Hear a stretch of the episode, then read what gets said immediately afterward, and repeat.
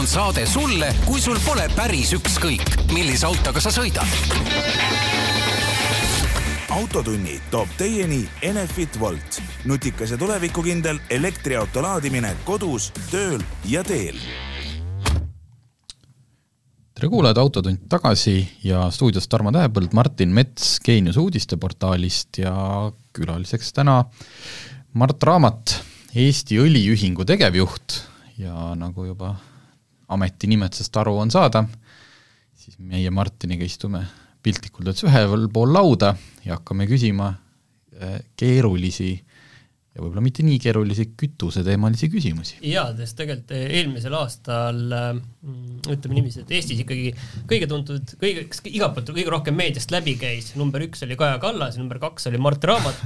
et eh, kuidas sai Eesti Õliühingu tegevjuhist meediastaar, sellest me hakkame siin rääkima. Eh, et küsimusi ja teemasid on palju. nii, aga võtame kõigepealt, et siis saaks aru, et mida sa siis teed, et et eh, mida ja keda õliühing esindab, kas see on jaemüüjad, on see hulgimüüjad, on see üldiselt, kas sinna kuuluvad kõik meile tuntud kütuse, kütusemüüjad Eestis? Jaa, tere minu poolt ka, mm, väga tore, et me saame sellisel üldisel teemal alustada, et siis lähme nende keeruliste küsimuste juurde ka. Äh, õliühing on tõesti Eesti siis kütusesektori esindusorganisatsioon ja teen väikest reklaami ka, sel aastal õliühing saab kolmekümne aastaseks, et äh, aastal tuhat üheksasada üheksakümmend kolm, kahekümnendal mail siis äh, asutati Eesti toonaste kütusefirmade poolt, asutati õliühing ja, ja noh, me oleme selline tavaline esindusorganisatsioon, nagu, nagu ikka erialaliitudel on ja, ja meie, meie liikmed on siis, võiks öelda küll täna, et kõik Eesti äh, kütusefirmad, kes siis äh, transpordikütustega tegelevad, et äh, et meil on kolmteist liiget, kõik suuremad kütuseketid jaeketid, terminalid, maaletoojad, ja, ja, ja ka hulgimüüjad, et et me tegelikult esindame seda noh, julgelt üle üheksakümne viie protsendi Eesti kütuseturgu. sina oled nüüd olnud seal äh, tegevjuht, kui ma ei eksi, üks kolm-neli aastat? kolm aastat ja neli kuud läheb praegu, jah. mis on suurim võit selle aja jooksul? et ma kujutan ette, et siin üht-teist tuleb kuskil nagu lobistada, mingite asjade eest tuleb seista, aga mis on nüüd kõige suurem võit, äh, mis sa oled sa suutnud ära teha? Ma arvan, et üks, üks suurimaid võite on võib-olla see, et, et nagu te ütlesite, et teataksegi, mis organisatsioon õliühing on, et kütuseteemad on sellised asjad, mis inimesi väga paeluvad, varasemalt nagu tegelikult ei teatud võib-olla kes kes Eestis äh, esindab kütuse või kes räägib Eestis kütuse teemadel ja, ja võib-olla see, et me oleme saanud nagu sellise hea nähtavuse, äh, inimesed äh, loevad ja loodetavasti ka usaldavad seda, mis me räägime, et ma arvan, et see on üks võit, aga noh, poliitilisel tasandil, nagu sa ütled, tegelikult ju see on üks suur lobitöö, ma arvan, et üks ägedamaid võite ja ägedamaid võitlusi, mis me siiamaani pidanud oleme, ongi vana hea diislikütuse aktsiisi teema, et et mäletatavasti tegelikult see aasta või eelmise aasta kevadel oleks pidanud see aktsiis mm. jälle tõusma ja, ja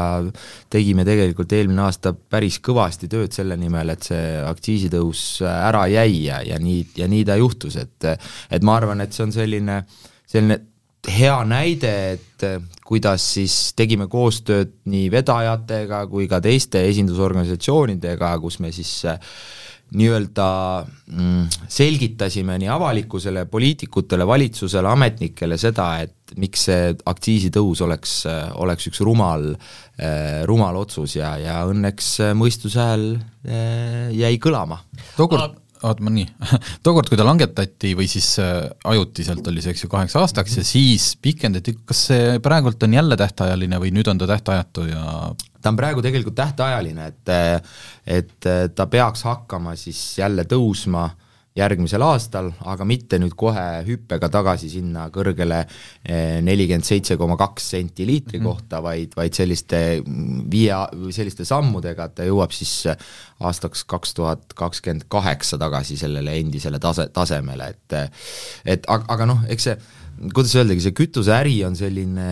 tead, mahu ja marginaali äri ja, ja tegelikult seal need sendid nagu mõjutavad äh, väga palju seda, kus tankimas käiakse, eks ju, et noh, me täna näeme seda, et et, et siiamaani Valga maakonnas, sisuliselt ainuke maakond, Valga-Pärnu maakonnas,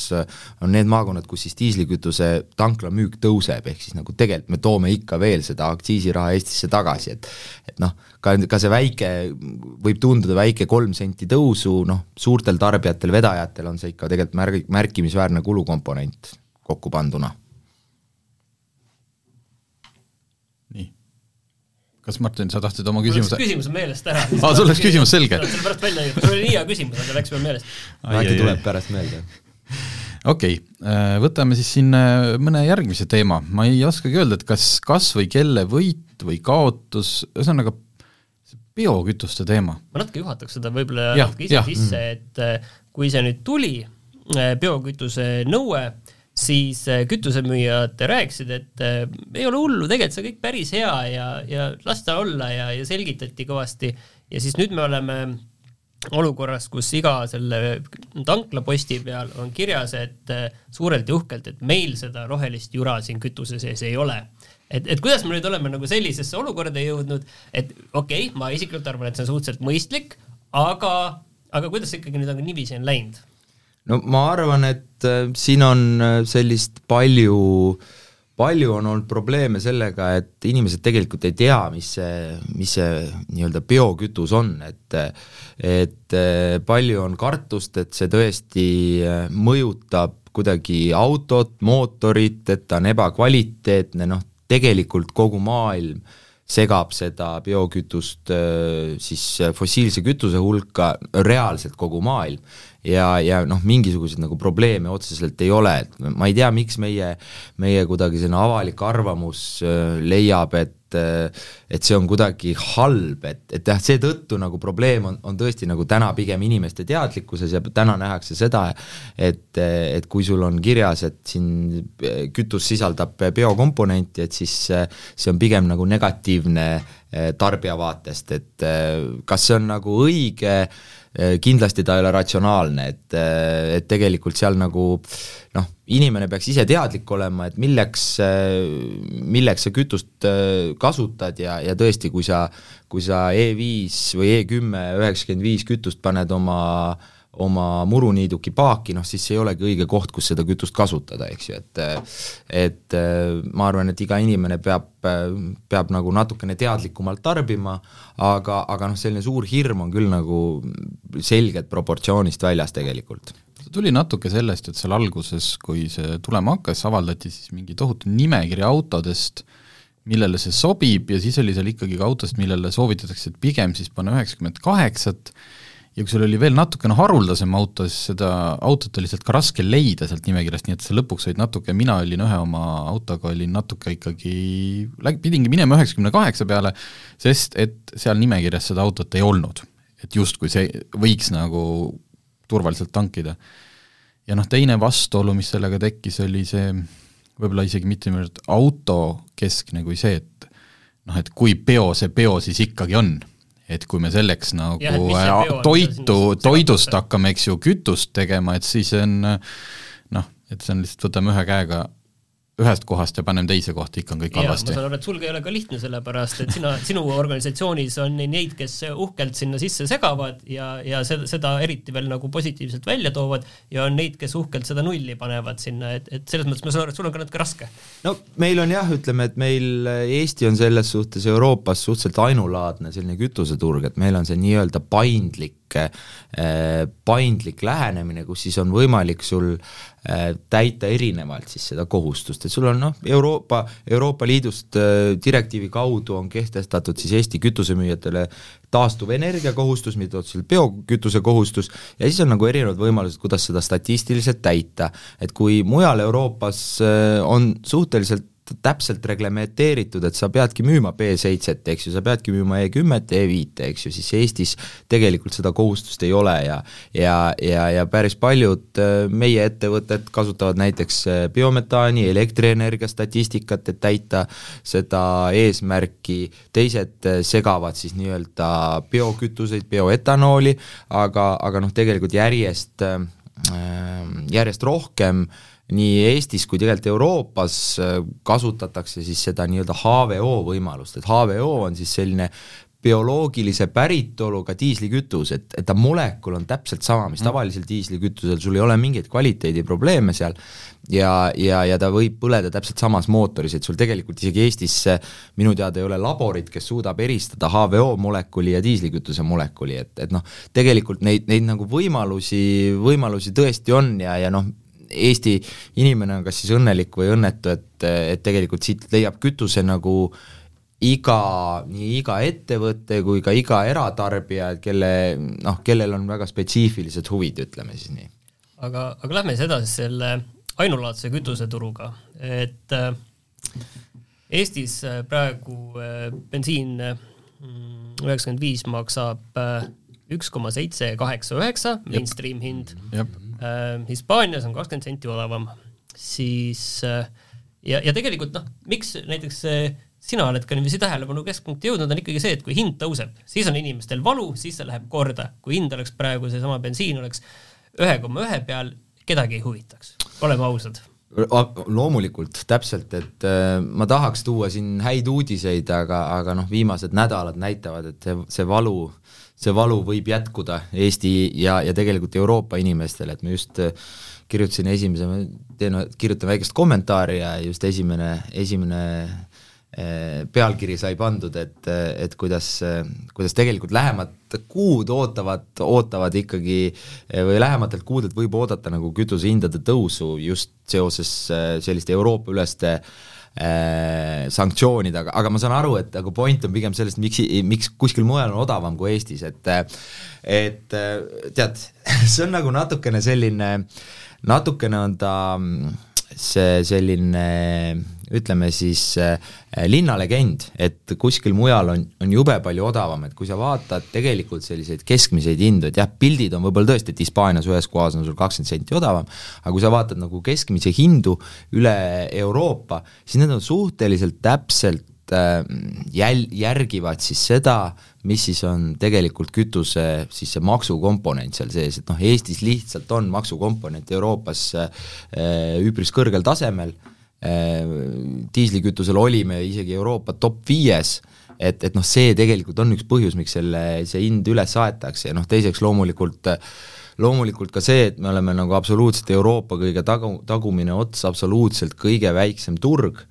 öö, oma erilise spetsiifikaga, nagu, nagu me rääkisime sellest paindlikust kütuse, mm, paindlikust küt-, nõuetest kütusele, eks ju, et see kahjuks äh, kahjuks räägib meie kliendi, e-, kliendi nagu kahjuks jah, et, et probleem, probleem peitub nagu seal. mina olen neid, neid ettevõtteid, keda te esindate, nende majandusaasta aruandeid vaadanud ja saan aru, et tõesti, ega need marginaalid seal kõrged ei ole, et või, või siis on kabanossi äri niivõrd kahjumlik. aga, aga jah, tundub, et kõrge ei ole. samas enne jõule toimus siin üks uskumatu lugu kas oli Circle K ja teised tulid ka kaasa,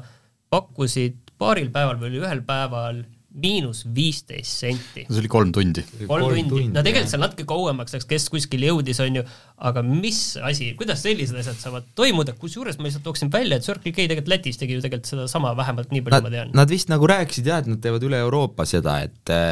et noh, see tegelikult nagu peegeldabki võib-olla seda, et, et kui sul üks ettevõte teeb sellise äh, noh, selline suur ettevõte, kellel on mitmes Euroopa riigis siis tanklad, teeb sellise nii-öelda ketiülese kampaania,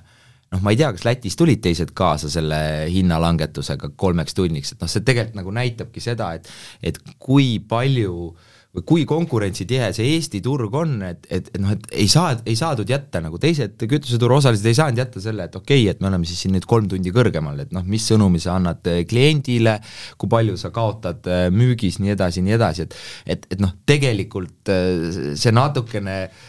selline reaktsioon teiste kütusefirmade poolt natuke näitabki seda ära, et, et see, see turg on tegelikult tihe, et noh, kui sa mõtled, et et mis meil on, meil on üks koma viis miljonit inimest, meil on viis suurt ketti, ütleme jah, juba viis suurt ketti äh,, Circle K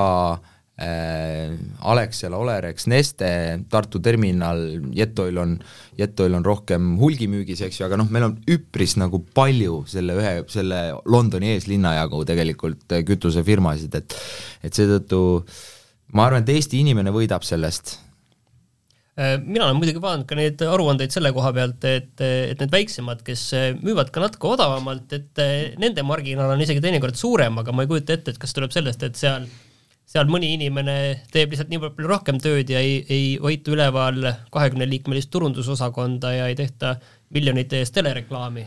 see võib vabalt nii olla, ei ehitata suuri tanklaid, ei investeerita äh, alternatiivsetesse kütustesse, et noh, et see tegelikult äh, ilmselt on põhjus, et kui sul investeeringukulud on, on, on madalad, eks ju, sa ei pea neid kandma, äh, noh, ilmselt siis sa, ilmselt siis sa seal, seal nagu võidad ja saad marginaali suuremana hoida, et noh, ju siis, ju siis see kabanossi müük ei ole siis ikkagi nagu nii hea äri no Mille... samas, samas ma lihtsalt, olles veel neid lugenud, siis äh, mulle, mulle meeldib ühe, ühe suure kütuseketi, ma lihtsalt äh, säästan neid, et ma ei ütle selle nime välja, aga võib-olla ise teate, kelle ühe aasta kõige suuremaks investeeringuks olid äh, jääjoogimasinad viieteistkümnesse või kahekümnesse tanklasse, see oli majandusaasta aruandes kirjas uhkelt. aga naljakas, et võib-olla aita natuke kuulajale siis selgitada, et kuidas, et kuidas on kogu aeg ühes lauses, et meil on tohutu suur konkurents kütusefirmade vahel. Ja see hind on kogu aeg sama, ma loen kuna ta on, see on avalik postitus, Alan Vahti postitus, see oli teemaks üldse nüüd see, mille juurde me ka tuleme, see mida siis tanklapostil ikkagi mm -hmm. kuvada, eks ju. Mm, -hmm. aga ta on siin teinud järjekordse arvest-, arvestuse, noh, kuidas, mida, ja siis kirjutab, võib eeldada, et kütuseturu suurest konkurentsist tulenevalt kujuneksid ka saja kilomeetri kohta kuvatavad andmed viimase komakoha täpsusega täpselt ühesugusteks et, et kuidas, noh, ühes lauses me räägime nagu konkurentsist, kui ma võtan kütusefirmana kas või võtame sama selle õnnetu kabanossi müügi, et kõik tuleks minu juurde kabanossi ostma. et noh, iga päev muudaksin, okei okay,, täna tõmban siin viisteist senti alla, homme panen natuke juurde, aga et et minu arust see ei ole ju konkurents, kui hinnad on kogu aeg samad no aga, aga äkki, äkki just, äh, äkki just seda vaadata nagu niipidi, et äh, äkki see ongi just täielik konkurents, sellepärast et sul mitte ei toimu hind äh, või ütleme niimoodi, et sul on väga siis hinnatundlik tarbija. sul on mm. väga hinnatundlik tarbija, iga kütusefirma saab aru, et kui ta müüks kõrgema hinnaga, siis klient läheks talt ära, tema juurest ära, ta kaotaks müügi. Järelikult see hinnakujundus käibki selle kõige, eh, kõige madalama pakkuja vastu. sellepärast, et, et kui sa hoiad kõrgemat hinda, siis lihtsalt äh, sa kaotad äh, selle kliendi äh, ja sa kaotad lisaks jääjoogi, kohvi ja, ja kabanossi raha, eks ju, et tegelikult ta käib nagu madalama pakkuja peale ja, ja, ja seetõttu noh, see jah, ühelt poolt võib, ühelt poolt võib nagu öelda, et et tekib küsimus, et miks see hind nagu ühesugune on, kui sul on nagu äh, püsikulud on ilmselgelt nagu erinevad. Äh, ma lihtsalt täpsustan natukene, noh see, mis muljega vaata väljapoole jääb, et kui me räägime siis PR-kuludest, et see kütus, kui keegi tõstab, ütleme, tal saigi siis see sisse ostetud natuke soodsam kütus otsa, mingi tohutu Exceli tabel näitab, et et kõik on minuti pealt on nagu sabas nagu ma ei, selles mõttes ma ei hakka siin mingit, et nüüd on kart-... samal hetkel tühjaks. just, et ma ei hakka siin seda kartelli juttu ajama, see noh, see on niisugune mm. vandenõuteooria, aga lihtsalt, et samal hetkel, et keegi isegi päeva ei pea vastu, aga ma müün täna veel odavamalt. kõik vaatavad, näed, hea PR, et ma no vaata, sa müüd odavamalt või see, et sa teenid selle kaks senti kasumit äh, võrreldes sellega, mis sa arvasid, et sa eile teenid. aga, aga ma ei ole nagu sada protsenti selles nagu kindel, et äh, raporteeritakse, et jah, tõu-, tõsteti, eks ju, hinda. Aga ma ei ole nagu sada protsenti kindel, et see käib nagu niimoodi nipsust, et keegi tõstab, kõik tulevad samaga järgi, sest tegelikult see toimub ikkagi nii, et et ka neid hetki on, kui keegi üritab tõsta, keegi ei lähe kaasa, ta tuleb alla tagasi, see lihtsalt ei jõua kuidagi meediasse, sest noh, mis sa, mis sa raporteerid siis või noh, kuidas see on, et sul eh, tund aega olid kõrgemad hinnad, keegi kaasa ei tulnud mm -hmm. ja hind oli sama, et, et noh, tegelikult neid situatsioone on, on, on nagu ka, on ka selliseid situatsioone, et keegi tõstis, teine tuli natukene, ütleme, keegi tõstab viis senti, teine tõstab äh, kolm senti järgi, äh, teised turuosalised lähevad selle kolmesendise tõstja vastu okay. hinda tegema ja siis tuleb see viis senti, tuleb kolme peale tagasi, eks ju, et noh, neid mm -hmm. situatsioone on, see ei jõua meediasse, noh loomulikult ei jõua, sest see oleks sisuliselt nagu minu, nagu sa ütled, minuti pealt raporteerimine, eks ju. ei no see tähendaks seda, et, et meil peaks olema kuskil mingi kaamerad väljas, mis kogu aeg joonistavad üles neid muudatusi ja siis tuleb aastane selline aastase graafiku joonistame. Geenius meediale midagi, kindlasti saate Peaks kõvasti klikke see, saada. see, see oleks hea idee. kütuse jälgimisäpp. no erinevaid asju on tegelikult proovitud teha, aga ja noh, ka praegu mingi bensiinihind.ee jookseb, aga see on ka noh, ta ei ole ju nii kiire, ta ei ole reaalajas mm. -hmm. et see on, ma ütlen, äriidee kõikidele kuulajatele, mingi hea äpp ja inimesi tuleb nagu murdu, sest Eestis kõik ju jälgivad seda, et mis, mis postis toimub. Mina ei suuda ikka bensiinijaamast niiviisi mööda sõita, et ma ei vaata, mis ja mulle pilti ja mulle pilte ei saada, kuule, näed jälle tõusis, kas sa juba tegid äh, nupu? ja, ja, aga, aga pöörame nüüd selle asja natuke, natuke mujale, et milleks ise sõidad? me just enne arutasime, et eh, või enne rääkisin, et tegelikult ma olen selline, ma alati kõigile ütlen, ma olen nagu heas mõttes nagu silmakirjalik äh, õliühingu juht, et ma ise teen üheksakümmend protsenti, ma ütlen julgelt, ütlen üheksakümmend protsenti oma sõitudest äh, teen kas rongi, ratta või äh, rongiga, rattaga või siis kasutan jalgu sihtotstarbeliselt, et et äh, auto on mul kaheksakümne neljanda aasta BMW, mis äh, praegu ei sõida üldse ja eelmine suvi ka ei sõitnud, sest oli mingisugune jama, aga loodan järgmine suve, järgmine suvi selle sõitma saada, et ehk siis nagu hobiauto, mitte lihtsalt, et sul kuskil mingi ront vedeleb, vaid yeah. selline, okei okay., jah, et ma ostsin ta kunagi neli aastat tagasi ja ta oli juba siis päris heas korras, aga, aga noh, olen, eks ma olen pidanud seal äh, kere tegema natukene, noh nüüd mingi elektrisüsteemi tuli vahetada, siis kõik sisu lasin uuesti panna ja ja, ja kõige, kõige, kõige keerulisem kusjuures oli äh, rehvide väljavahetamine, sellepärast et ostsin auto, millel olid all rehvid Made in West Germany oli peale kirjutatud, eks ju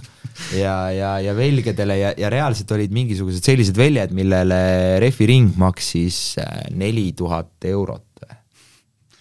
mis mudel on? ei olnud nii palju, ta oli mingi mitu tuhat mm -hmm. oli igal juhul. ta on jah, ta on BMW, mis ta on siis, E kakskümmend kaheksa, viies seerias siis? viies seeria jah et see on ilus kirsipunane, et ma see järgmine, järgmine suvi loodan, et eh, kõik, kes Tartus ja Lõuna-Eestis eh, on, siis nad näevad seda ilusat autot ka linna peal ringi vuramas, et eh, et suur lootus on. Elektriautot ei ole mõelda osta? kunagi olen, kunagi olen, ma nüüd ei ole sada protsenti kindel, kas see enam oleks mulle mõistlik, ma elan Tartus suhteliselt, miks, miks mul on võimalik nii, nii liikuda, on sellepärast, et ma olen Tartus suhteliselt kesklinnas või noh, päris kesklinnas, nii et äh, raudteejaam on seitse, kümme minutit, Raekoja plats on seitse minutit, et noh, väga sellises äh, logistiliselt heas kohas, mul nagu pere ei ole, mistõttu mul sellist nagu lolli logistikakulu ei ole, et et, et sellepärast ma ostsin ka hobiauto, ma nägin, et suvel on just see hetk, kui ma nagu tarbin oma masinat ja, ja, ja seetõttu noh, kuna minu meelest ei ole mõtet sul osta endale asja, mis sul nagu lihtsalt seisab või sa kasutad seda ebaratsionaalselt, et siis kuna ilmselt ka tulevikus mu nagu sõidud on valdavalt pikemad, valdavalt kuskile eh, loodusesse maale, siis, siis ma nagu ei näe, et tegelikult mul oleks vaja elektriautot. et eh, mi-, mis muidugi nagu noh, loomulikult kui sa oled Tallinnas või isegi Tallinna lähedal, elektriauto on, on kindlasti nagu loogilisem kui kui, kui konventsionaalne auto, eks ju, aga noh, ma ütlen, siin ongi taaskord see, et iga inimene peaks ise aru saama, et, et mis tal nagu kõige ratsionaalsem on, et mulle endale meeldib kõndida ja rattaga sõita ka, et ei ole vaja autot, kui sul on võimalik muud moodi ära lahendada asjad. nii, aga ma tahtsin selle vestluse nüüd sujuvalt viia on ju elektriauto peale ja nii räägime elektriauto toetustest ja oh., ja räägime siis sellest, et tegelikult ju kuidas üldse teie vaates see kogu see elektriauto teema on ikkagi äririsk õliühingu vaates? No äririsk või ärivõimalus, kaks, seda saab mõlemat no, pidi teie, vaadata. Teie inim-, teilt vist, kes tegeleb, üks vist aktiivselt Eestis tegeleb? no Circle K ka juba paigaldab okay,. jah, kaks. no aga, aga eks ju on teistel on, teistel on plaanid või, või teistel Jah, on, on midagi on, öeldud, eks jah. ju. aga, aga noh, ma ütlen, ma ise, vaata, taust on mul see, et ma töötasin varem Keskkonnaministeeriumis, enne kui ma õliühingusse läksin, olin seal energeetika ja transpordi peal ja tegelikult too eelmine ostutoetus, mis oli siis aastal kaks tuhat äkki kaheksateist või üheksateist, ta oli noh, mina olin ka seal väljatöötaja. siis tundus see asi nagu loogiline, et meile müüdud nagu elektriautosid, teadlikkus oli nõrk, eks ju, inimestel noh, isegi nagu ettevõtted ei, ei, ei osanud või ei julgenud selle peale mõelda, noh, olukord on nagu märgatavalt täna muutunud, et viis aastat hiljem või kolm, jah, neli-viis aastat hiljem me oleme ikka sisuliselt sama otsa peal, et noh, et tegelikult on täna mudelid olemas, noh, kas meil on vaja jagada ekstra toetust selle ostmiseks või mitte, et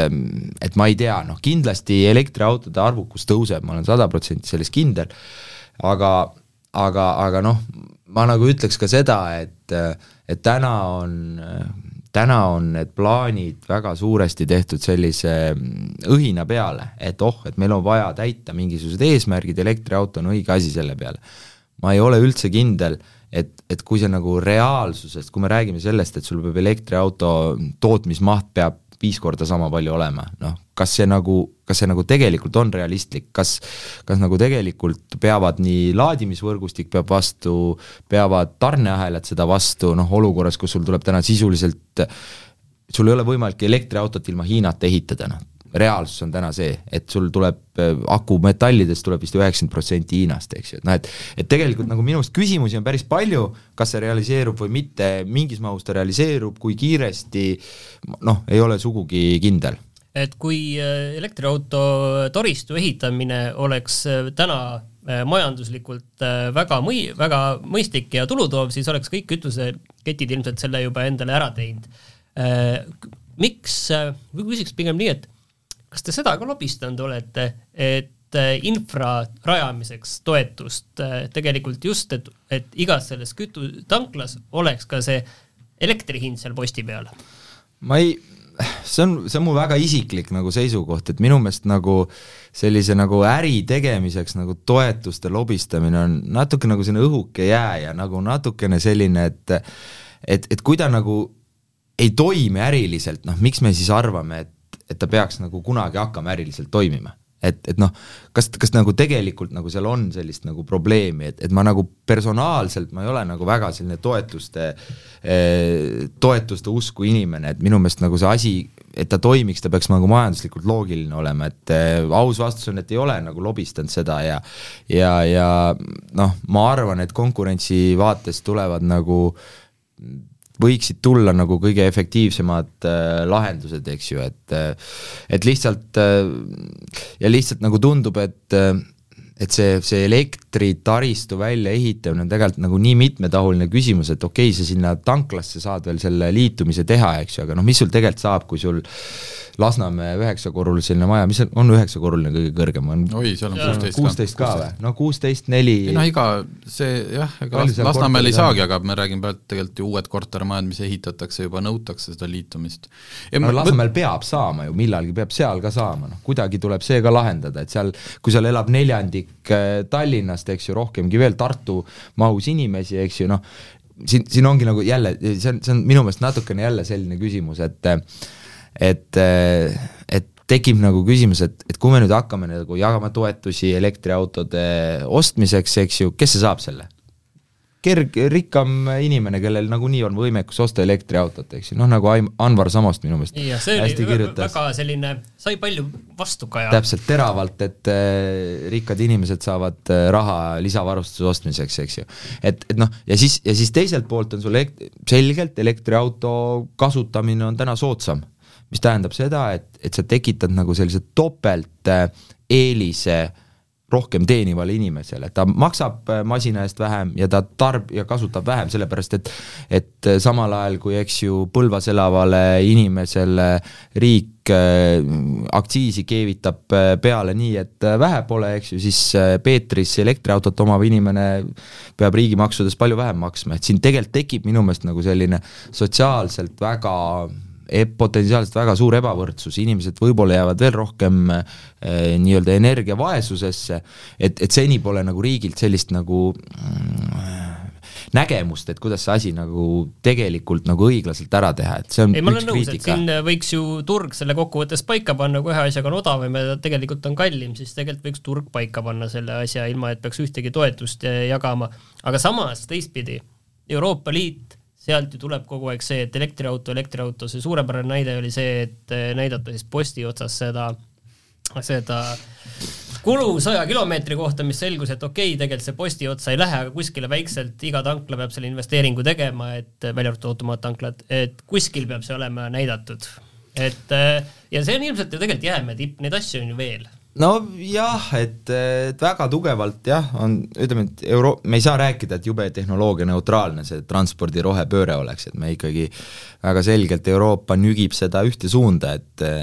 et muidugi see saja kilomeetri näitamise kulu on, on noh, oma olemuselt hästi nagu naljakas, et et, et mina nagu tõsiselt usun, et sellise äh, selliste nagu natuke nagu naeruväärsete plaanide väljakäimine, pealesurumine tegelikult teeb nagu karuteene sellele, mida soovitakse saavutada, et noh, et kui, kui soov on elektriautot panna inimesed kasutama ja noh, sa tuled selliste, selliste plaanidega välja, mis, mis tegelikult nagu seda eh, noh, mis, mis tegelikult noh, tekitavad inimestes nii palju negatiivset vastukaja, eks ju, siis noh, väga paljud ütlevad, et mis elektriauto on täielik jama, et mis jaburustega tege-, tegelete, eks ju, et noh, et et siin nagu tasuks nagu alati mõelda seda, et mis nagu, mis nagu on, on nagu mõistlik ja mis ei ole, et ma ei ole kindel, et see mõistlik on. aga kas praeguse seisuga on see selles mõttes on, on meil sellest üldse pääsu või siis noh, tanklatel, et meid see tarbijana väga ei sega, kas see ekraan on seal tanklas või mitte. aga kas tanklatel tuleb see või keegi alles kuskil otsustab? no ma olen nagu aru saanud, et no see tuli meile väga suur üllatus. sest see ei ole ju mingi, see ei ole ju, ma ei tea, Circle K või Alexela enda otsus, kas ei, ma panen, see ikkagi tuleb ülevalt, tuleb käsulaud ja jah, aga me ei ole nagu, sõltub nagu sellest, et kuidas riik natukene seda tõlgendab, et et mulle nagu tundub, et et riigile tuli see ka nagu natukene üllatusena, et Euroopa seisukoht on siis, et, et tuleb nagu kuvada neid äh, saja kilomeetri läbimise kulu. Ja noh, nüüd on küsimus, kuidas seda kõige optimaalsemalt teha, et noh, mida me saavutada tahame, et et äh, võib-olla selle võib-olla nagu tasuks isegi mõelda selle peale, et sul on mingisugune QR QR kood, eks ju, ja siis äh, on in-, igal inimesel on võimalik nagu ise nagu saada mingit nagu rohkem infot selle kohta, sest kui sa paned lihtsalt selle, et palju sa sada kilomeetri läbimise mingi keskmise autoga on, noh, mida see inimesele tegelikult ütleb, et et kui ta, sest ta ütleb, tal on seda infot vaja siis, kui ta teeb ostuotsuse, uue auto ostuotsuse ja, ja tegelikult nagu noh, seal me näeme seda küll, et riik nagu võiks palju, võiks ju palju rohkem nõuda, et sul auto kahekümne neljas äh, võiks siis olla see võrdlus, et iga auto juures on sul see, et äh, äh automüügikuulutuse juures peab see info ka olema. nii-öelda nagu energiaklass kodumasinatel. no täpselt, eks ju. aga kas äh, paranda nüüd, kui ma aastaarvuga eksin, aga kas pärast aastat kaks tuhat kolmkümmend Euroopas veel uusi sisepõlemismootoriga autosid ka müüakse? kaks tuhat kolmkümmend viis minu meelest. kolmkümmend viis oli see, kolmkümmend viis oli jah. mõni on lihtsalt ise niisugune poliittuultes nagu öelnud, aga meie teeme seda kaks tuhat kolmkümmend juba mõni linn või niimoodi, mhm, aga, mhm. aga kolmkümmend viis on see nõue, jah. see kolmkümmend viis on nõue, noh, seal on, ütleme selles, selles äh, direktiivis on sees ka klausel, et see võidakse üle vaadata, juhul kui need autod kasutavad siis süsinikuneutraalseid kütuseid, eks ju, noh, ongi täpselt sada protsenti HVO peal diislikütus, äh, sada protsenti HVO peal sõitev diiselauto, äh, kui Euroopa Komisjon nii otsustab, võib, ka seda võib müüa, aga, aga noh, ma ütleks, et, ma ütleks, et raske on, raske on hetkel näha, et, et et, et jätkub, mina ütleks, mul, minu tänane tunne on, et pärast kaks tuhat kolmkümmend viis me uusi nii-öelda sisepõlemismootori autosid ilmselt ei näe, aga, aga ma ütlen, et see kõik võib muutuda praeguses, praeguses poliitilises olukorras, ma ei julge nii öelda ma arvan, et see on esiteks noh, hakkame, hakkame nagu punktide kaupa minema, et ei näe Euroopas müügil, eks ju, mis ei tähenda, et neid enam ei toodetaks teistesse piirkondadesse, kus see areng ei ole nii kiire, siis eks ju, et milliseid, noh, et võib-olla mõndad mingid hästi väiksed või, või mingitele sektoritele jäetakse, et neid erisusi kirjutatakse siin järgneva mis siis kaheteist aasta jooksul sisse veel, ma arvan, kõvasti jah, ma arvan ka, et kes hakkavad pääsema või slogan jääb alles, aga erandeid tuleb ilmselt võib-olla omajagu. või, või et see sisepõlemismootor on seal mingi väikse range extender'ina võib näiteks sees olla. et sa, et sa ei jääks päris teele kuskil maal elades ja noh, niisugune no, eks natukene, ma arvan, sõltub ka sellest, et kuidas ma ütlen, et täpselt, et kuidas Euroopa Liit ise suudab oma äh, oma tööstust, tööstust muuta, sest noh, ma ütlen, et minu meelest äh, täna või üldse kogu maailmas äh, rohepööre on ikkagi nagu ressursipööre, eks ju, et sul on nagu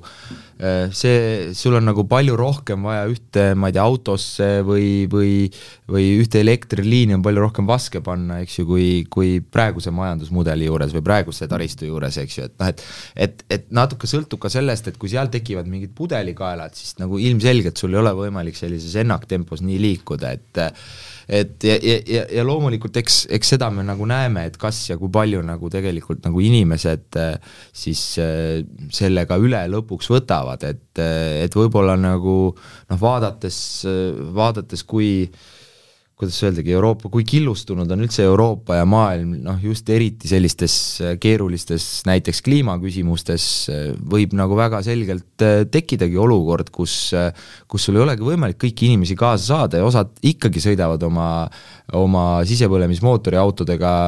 edasi, eks ju, mis on küll vanemad, mis on küll ilmselt kallimad, aga nad põhimõtteliselt ei tee seda, et noh, see saab nagu huvitav transformatsioon olla, olema, et sest sisepõlemismootori alla ma vaatan, meil on lihtsalt ühe märksõnana, tegelikult eks ju biogaas, mis peaks olema siin ühe, ühe kütusetootja noh, arvutuste järgi isegi tead, et CO2 neu- äh,, miinu-, miinuses, CO2 negatiivne, et see on ju sisepõlemismootoriga auto. et noh, et, et kust tuleb see loogika, et kui meil on vaja saada hästi võimalikult puhas eks ju, maailm, et siis me keelame ära näiteks biogaasiga sõitvad autod, sest no ma lihtsalt see... ütlen vahele selle, et äh, süsinikuneutraalseid asju ei ole olemas, paberi peal saavad nad olla no ei ole ka elektriauto, noh, selles mõttes no,, äh, et äh, kuidas üldse meil on, see biogaas, see nüüd seoses gaasi hinna tõusuga on täiesti ära kadunud teema või, või...? no ma just kusjuures eile lõin uute iga,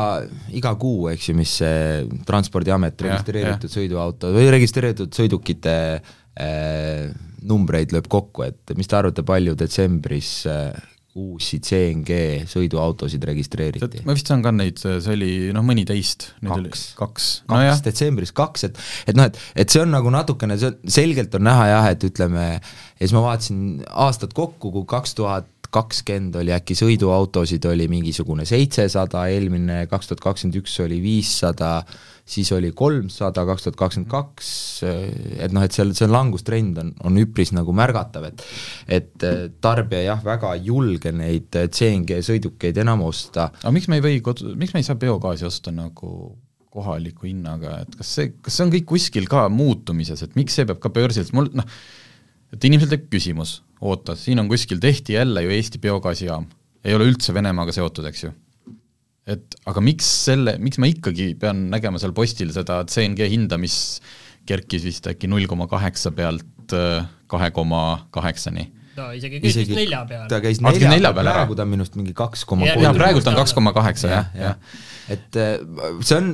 ma olen nagu aru saanud, et, et eks see ole nagu natukene selle alternatiivhinna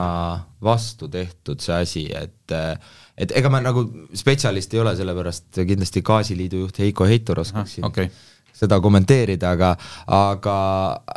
aga, aga noh, eks, eks loomulikult tõuseb ka hind teataval määral, sest sul on ikkagi nagu sa kasutad energiat sisendina, sul mm -hmm. tootmishind ka tõuseb, eks ju, ja samas nagu noh, kuna see näitab võib-olla, et siis see konkurents ongi nagu loogiline, et, et sul ei toimu hinnadumpingut, et sul on nagu vastavalt siis sellele nii-öelda alternatiivkütusele on, on hind tehtud, eks ju, aga, aga noh, ma ütlen, ma ei, ma ei tunne, see, see gaasiturg on väga spetsiifiline, sest seal on palju nagu selliseid noh okay, enamus, enamus tarbimist on tegelikult ju bussides, et bussides mm. on küll toimunud väga, väga nagu mõistlik üleminek, et Tallinnas, Tartus ju tegelikult gaasibussid nagu enamuses on, eks ju, et mm -hmm et, et seal, need on nagu noh, hästi suur tarbimine, et et mis, mis siis nagu tegelikult nii maagaasi kui ka siis biometaani nagu kasutavad, et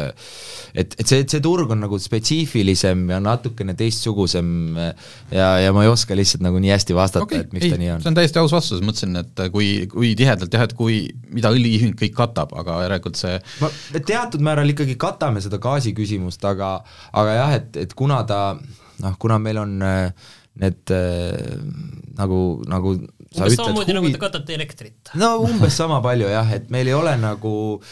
noh, meil ei ole, meil neid muid asiseid probleeme, mis nagu kõike nii-öelda mõjutavad, on, on rohkem kui selliseid spetsiifilisi huvisid, aga aga noh, kindlasti ma arvan, et transpordipoliitika vaates on nagu mõistlik seda vaadata mitte nagu mingi tehnoloogiapõhiselt, vaid vaadata kui nagu nagu sellist ühte üldset või üldist sellist basseini või vanni, eks ju, et noh, et et samamoodi ma kunagi tegin nalja, kui ma ministeeriumis töötasin, mis on Eesti riigi kõige efektiivsem kliimapoliitika olnud? Äh, kõrge diisliaktsiis, äh, sellepärast et siis kõik äh, tankimine viidi Le-, Lätisse, eks ju, Lätti-Leetu, see tähendab, et kogu see CO2 jääb, mis tegelikult tuli siia Eestisse tagasi, mis siin põletati ära, see jäi nagu Läti-Leedu inventuuri, eks ju, et noh, et aga no, seda vist on mingites asjades on tegelikult just ka vastupidi vist, et mingid asjad, mis viiakse Eestist välja ja mis põletatakse kuskil mujal ära, see ei ole seotud nüüd kütustega, mingid, mingid muud toot-, ma ei mäleta, kas metsagraanulite või ükskõik millegi mm. sellise kohta, mis äh, seal on väga öko, aga jalajälg jääb meile, et see on jah, see on see, et vaata, kui sa vaatad ülevalt kosmosest maakerat, see on jagatud sektoriteks, noh et siin on, siin on eks ju Eesti reostus ja need omavahel ei sekku. oi, ma saan oma lemmikteema siin, see on hea näide, ma saan oma lemmikteema sisse tuua, mis, mis mul on väga südames, turvas on üks selline teema. et, et sa, sa võtad selle kasvuturva, kaevad Eestist välja, siis sa paned ta Hollandi tulbipeenrale seal ta nii-öelda see CO2 emiteerub ja kogu see emissioon jääb Eestisse. ja mis on kõige sürrim, see on väga suur kogus. me räägime sellest, et Eesti trans-, kogu transpordi põletatud kütused, umbes üks koma kaks miljardit eh, on meil nagu transpordikütuseid põletatakse, nende emissioon on mingi selline kaks koma neli miljonit tonni turba emissioon, see, mis sul tegelikult Hollandi tulbipeenral emiteerub, mis jääb siia Eestisse, on miljon tonni ehk siis nagu miljon tonni pluss isegi miljon, äh, üks koma neli miljonit tonni oli äh, kaks tuhat kakskümmend üks, ehk siis nagu see on, see on nagu selline, see on selline, kuidas öeldagi, nagu jälle asi, et, et sisuliselt see emissioon jääb meile, kuigi see, me ei ole üldse sellega seotud, eks ju, et see on selline naljakas, naljakad arvestuspõhimõtted, kliimapoliitika on imeline jah, et lihtsalt, et kui siin tahta maailma päästa, et äkki siis lõpeks turvakaevanduse ära ja sõidame rahulikult autodega edasi. enne tuleks ikka endale Excel korda teha Euroopa Liidule, et see, see on nagu, see asi on enne. aga Tarmo, sa tahtsid küsida tegelikult veel nende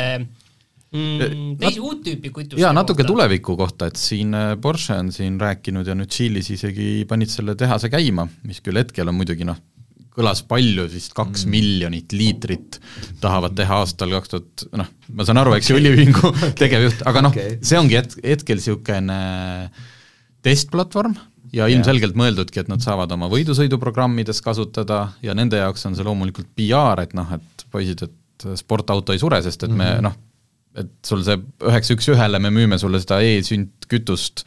veel ka aastal kaks tuhat viiskümmend. ja sinu Bemmile ka. oh, super, super, super, et ei ole nii, et pärast, pärast äh, ma ei tea, mis aastal siis äh, kaks tuhat kolmkümmend viis pean ära lammutama. mis pärast seda saab, siis võid ainult vaadata ja siis aga on seda, on seda nähakse, noh loomulikult see ei tähenda, et meil järgmine aasta on tanklapostidel, see on see sünteetiline jah, mida vesiniku abil toodetakse, mille ehk siis nad teevad seal, ma eeldan niimoodi, et nad püüavad õhust CO2 välja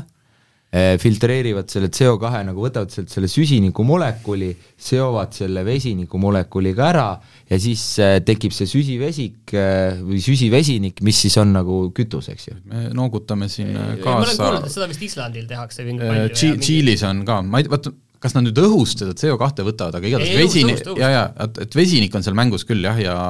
ja siis ta ei ole seda ei ole nimetatud tekstides noh, niisugune suurejooneliselt, see on, vot see on mm -hmm. nüüd mhm. neutraalne mm, -hmm. aga see oli vist äkki kaheksakümmend protsenti kukuks nagu see kunagi keegi rääkis mulle, ma ei ole ise üldse keemik, aga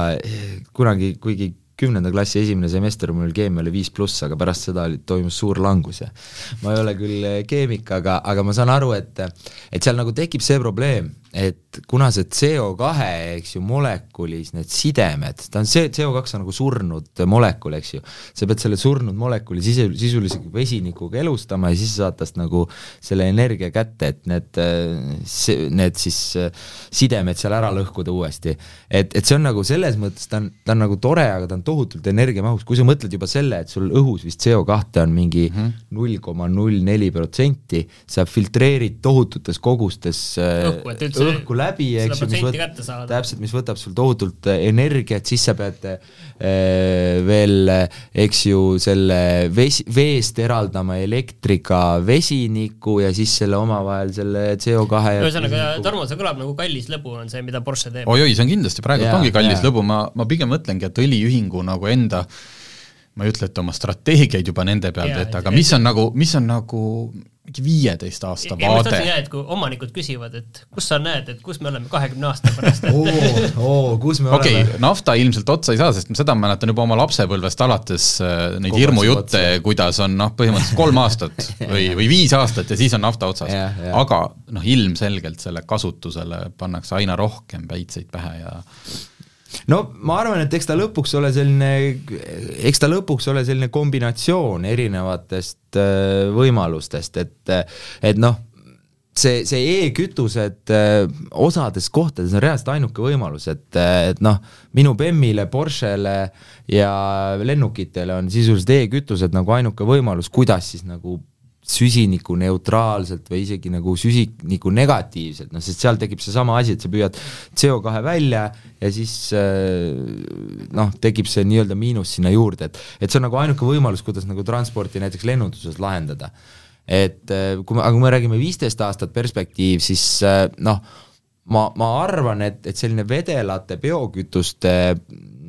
buum, seda tegelikult pole veel tulnud, meil on tek-, meil oli mm -hmm. see toidupõhine vedel, vedelate biokütuste buum, eks ju, kui sa tõesti kasvatad rapsi ja, ja siis või, või maisi ja toodad siis vastavalt kas biodiislit ja, või, või bioetanooli, eks ju, aga ma arvan, et sellist nagu teise põlvkonna biokütuste buumi meil täna ei ole tulnud, et et noh, me kasutame küll tohututes kogustes biomassi ju, me e, biomassi kasutame, eks ju, soojuselektrijaamades. aga, aga ma ei oleks nagu üldse, ma ei üldse ei välistaks seda, et mingilt osalt hakkab hakatakse seda biomassi kasutama ka vedelkütuse tootmiseks, et need tehnoloogiad on täna nagu seal arendusjärgus ja, ja tegelikult see on ka nagu selline mõistlik, mõistlik ressursikasutus, vähemalt nagu mulle tunduks, aga noh, tehnoloogiad peavad kõvasti edasi arenema et äh, kuulajal ei jääks, ma nüüd otsisin välja selle Porsche või noh, kuidas seda tehakse, sest esiteks miks Tšiilis, sest seal äh, saab toota, seal on äh, hästi hea toota tuule, jah, tuule ja tuul ja päike, ühesõnaga rohelise vesiniku tootmisel kasutatakse tuulegeneraatoritest pärit elektrienergiat vee elektrolüüsiks, kus mm -hmm. vesi lagundatakse hapnikuks ja vesinikuks. teises järgus võetakse õhust CO2 Äh, filtreeritakse välja ja siis rohelise vehi, vesinikuga ühendudes äh, toodetakse sünteetilist metanooli no,. ühesõnaga, kõigepealt tehakse tuuleenergiaga vesinikku ja siis vesinikust ja sellest CO2-st tehakse metanooli. no see on, see on ka see, mille pärast nagu seda vesinikumajandust äh, mille seda vesinikumajandust nagu tegelikult nagu peetakse natukene äh, ebarealistlikuks, et, et sul on see kadu on nagu nii suur, et ja. sa, et see, mis sul muidu jõuaks, eks ju, elektriauto akusse, noh, sisuliselt seesama energiakogus, eks ju, nüüd sa pead tegema mitu seda energiatransformatsiooni, et, et saada see lõpuks seesama kütus, mis sul jõuab nagu paaki siis, eks ju, et et see on nagu üks nagu selline negatiivne asi, aga noh, kindlasti ma ütlen, on, on nagu lahendusi, kus nagu elekter ei olegi reaalne, eks ju, et see, ja sinna on vaja täna tehnoloogiaid arendada, et Porsche teeb tänuväärset tööd seal Tšiilis nii, aga hakkame asju äh, kokku tõmbama mm,. tahaksime siis ikkagi teada, et mis siis ikkagi sellises äh, nähtavas tulevikus meil bensiini ja diisli hindadega saab, et ma saan aru, et sa juba, juba kirjutad äh, teksti, kus asjad ei paista head, natukene juba valmistad, kõige tähtsam on ikka inimesed ette valmistada, et uudis, halb uudis ei tuleks järsku. aga, aga mis siis saab? no mis siis saab, ega nagu tegelikult midagi hullu ei saa ju, lihtsalt natukene äh, jätkub selline, ma ütlen, jätkub selline üles-alla, turul jätkub, ütleme, ma arvan, järgmine aasta jätkub kütusehindades või see aasta sa mõtled nüüd? jaa, nüüd see aasta muidugi jah, selle aasta jooksul jätkub selline üles-alla Ameerika mäed, eks ju, palju sõltub sellest, et et mis toimub nagu Ukrainas, sellepärast et noh, kuigi mul praegu, praegu nagu justkui tundub, et et maailma majandus on jälle nagu vaatab optimistlikumalt tulevikku, siis äh, ma arvan, et sõjategevuse pikaajaline jätkumine võib nagu neid perspektiive nagu muuta, võib, äh, palju sõltub sellest, palju sõltub sellest, et mida OPEC nagu otsustab, et, et mis hetkel neil tuleb nagu selline mis, mis hetkel neil hakkab nagu valus nafta, nafta hinna osas, et praegu tundub, et neile selline üheksakümmend dollarit, mis Brent praegu on, see sobib hästi, eks ju, ja, ja teiselt poolt noh, Euroopa puhul natuke sõltub sellest, et kus me saame oma, kus me saame oma diislikütuse, varem me saime Venemaalt kümme protsenti diislikütusest, kust see siis nüüd nagu tulema hakkab, et et ta tuleb igal juhul kaugemalt, igal juhul tuleb sellest nagu rohkem maksta, et et kahjuks, kahjuks see on selline auk, mis me oleme iseendale nagu kaevanud, aga nüüd tuleb lihtsalt seal augus ujuma õppida huvitav faktina ma siin vaatasin neid kütuse, noh hakkasin mõtlema, et meil on, kas ma mäletan, eelmine aasta äkki kaks koma kaks neli üheksa, korraks oli vist see hetk, kus Olerex proovis. aga täpselt, täpselt aasta tagasi, jaanuari lõpus Eh, kirjutasime, et eh, kütusehind tegi nukra rekordi ja ületas esimest korda ühe koma kuue euro piiri. see oli täpselt aasta tagasi, praegult on see, et kui on, kui kütusehind on üks koma kuus, siis oled juba nagu tunned, et nagu päris hea see oli üks, see oli jaanuaris. jaanuaris, kakskümmend seitse jaanuar. jaa, ja et noh, üks asi, mida nagu tegelikult äh, võib-olla ma kiirelt avan, et, et üks asi, mida tegelikult nagu inimesed ei, ei adu, on see, et kui vaatad nafta hinda, et noh, et eelmine aasta umbes sama, et miks kütuse hind nii mm. kõrgem on. aga ma ütlen just täpselt see rafineerimistehaste marginaal, mis on nüüd jälle viimase kuu jooksul, on jälle läinud täiesti rekordilistele tasemetele, et et noh, see tähendab seda, et kui palju rafineerimistehas Äh, siis äh, küsib, küsib siis äh, raha selle eest, et ühe naftabarreli ära rafineerib, eks ju, nii-öelda lõpptoodeteks, et tavaliselt oli see tase julgelt alla kolmekümne dollari kolmkümmend dollarit loeti, et see on selline väga kõrge tase siin aastal kaks tuhat kaheksa, kaks tuhat neli kuni kaks tuhat kaheksa. eelmine suvi, kui ta oli see kaks koma kaks neli üheksa oli, oli see kuuskümmend dollarit, täna on nelikümmend dollarit ja läheb ülespoole, et et noh, ma ütlen, et, et see on nagu selline, see on selline aspekt, mis jääb nagu vaatlusest välja, aga mis nagu tegelikult mõjutab meie jaoks hinda, et et mul kahjuks head uudist siia ilusasse ma, jaanuarisse ei ole anda. ma lugesin just hiljuti ühe mm, Bulgaaria rafineerimistehase kohta, mis, mille siis toodang kasvas vist kahe- või kolmekordseks, aga enamik kõik läks otse Ukrainasse, et võib arvata, et kui seal tootmine tõuseb ja on keegi, kes selle kuskilt kinni maksab, siis ilmselt nad ilmselt küsivad ka natuke rohkem raha selle kiire liigutamise eest, et ilm- ja kui üks tehas kuskil on niiviisi ja ilmselt on neid tehaseid veel, et selles mõttes see sõja kinnimaksmine meil paratamatult tegelikult ka toimub. no ja nüüd tulevad Abramsi tangid, mis võtavad väidetavalt ülipalju kütust. aga need, vaata need ei, need mingi erikütusega sõidavad, need üldse täiesti, need ei ole ju diisliga, need on mingi täiesti täiesti... Abramsid või, sõidavad või? minu, ma kohe ütlen. no nii, kus meil, kus see militaartund on, et saate äkki seal seal no, selle teemaga jätkata. iga, igal juhul see, loomulikult see sõja see sõjakulu on, on päris suur, eks ju, eriti Euroopale, aga, aga noh no., ma arvan, et, et rahu, rahu saavutamine või noh, selle, et ta-, et tagada nagu Ukraina võit ja, ja see, et pikaajaliselt oleks meil siin rahulik, eks ju. ma arvan, et see, seega, seega see ainukesena hoiabki inimesi noh, niimoodi, et mitte barrikaadidel, vaid niimoodi ega Eestis ei lähe inimesed üldse barrikaadi? ei lähe jah, ma mõtlen jah, et kuhu, kuhu see kütusehind no,, kuhu see kütusehind peaks tõusma? Vaatasin praegu, et Abrams äh, kiirel vaotusel võib sõita kõigega, ka, ka lennukikütusega. Okei. Aga selge, aitäh, et tulid, paljud asjad said palju selgemaks ja kui meil tekib jälle küsimusi, siis me teame, kuhu helistada. väga tore, aitäh ja nägemist! autotunni toob teieni Enefit Volt nutikas ja tulevikukindel elektriauto laadimine kodus, tööl ja teel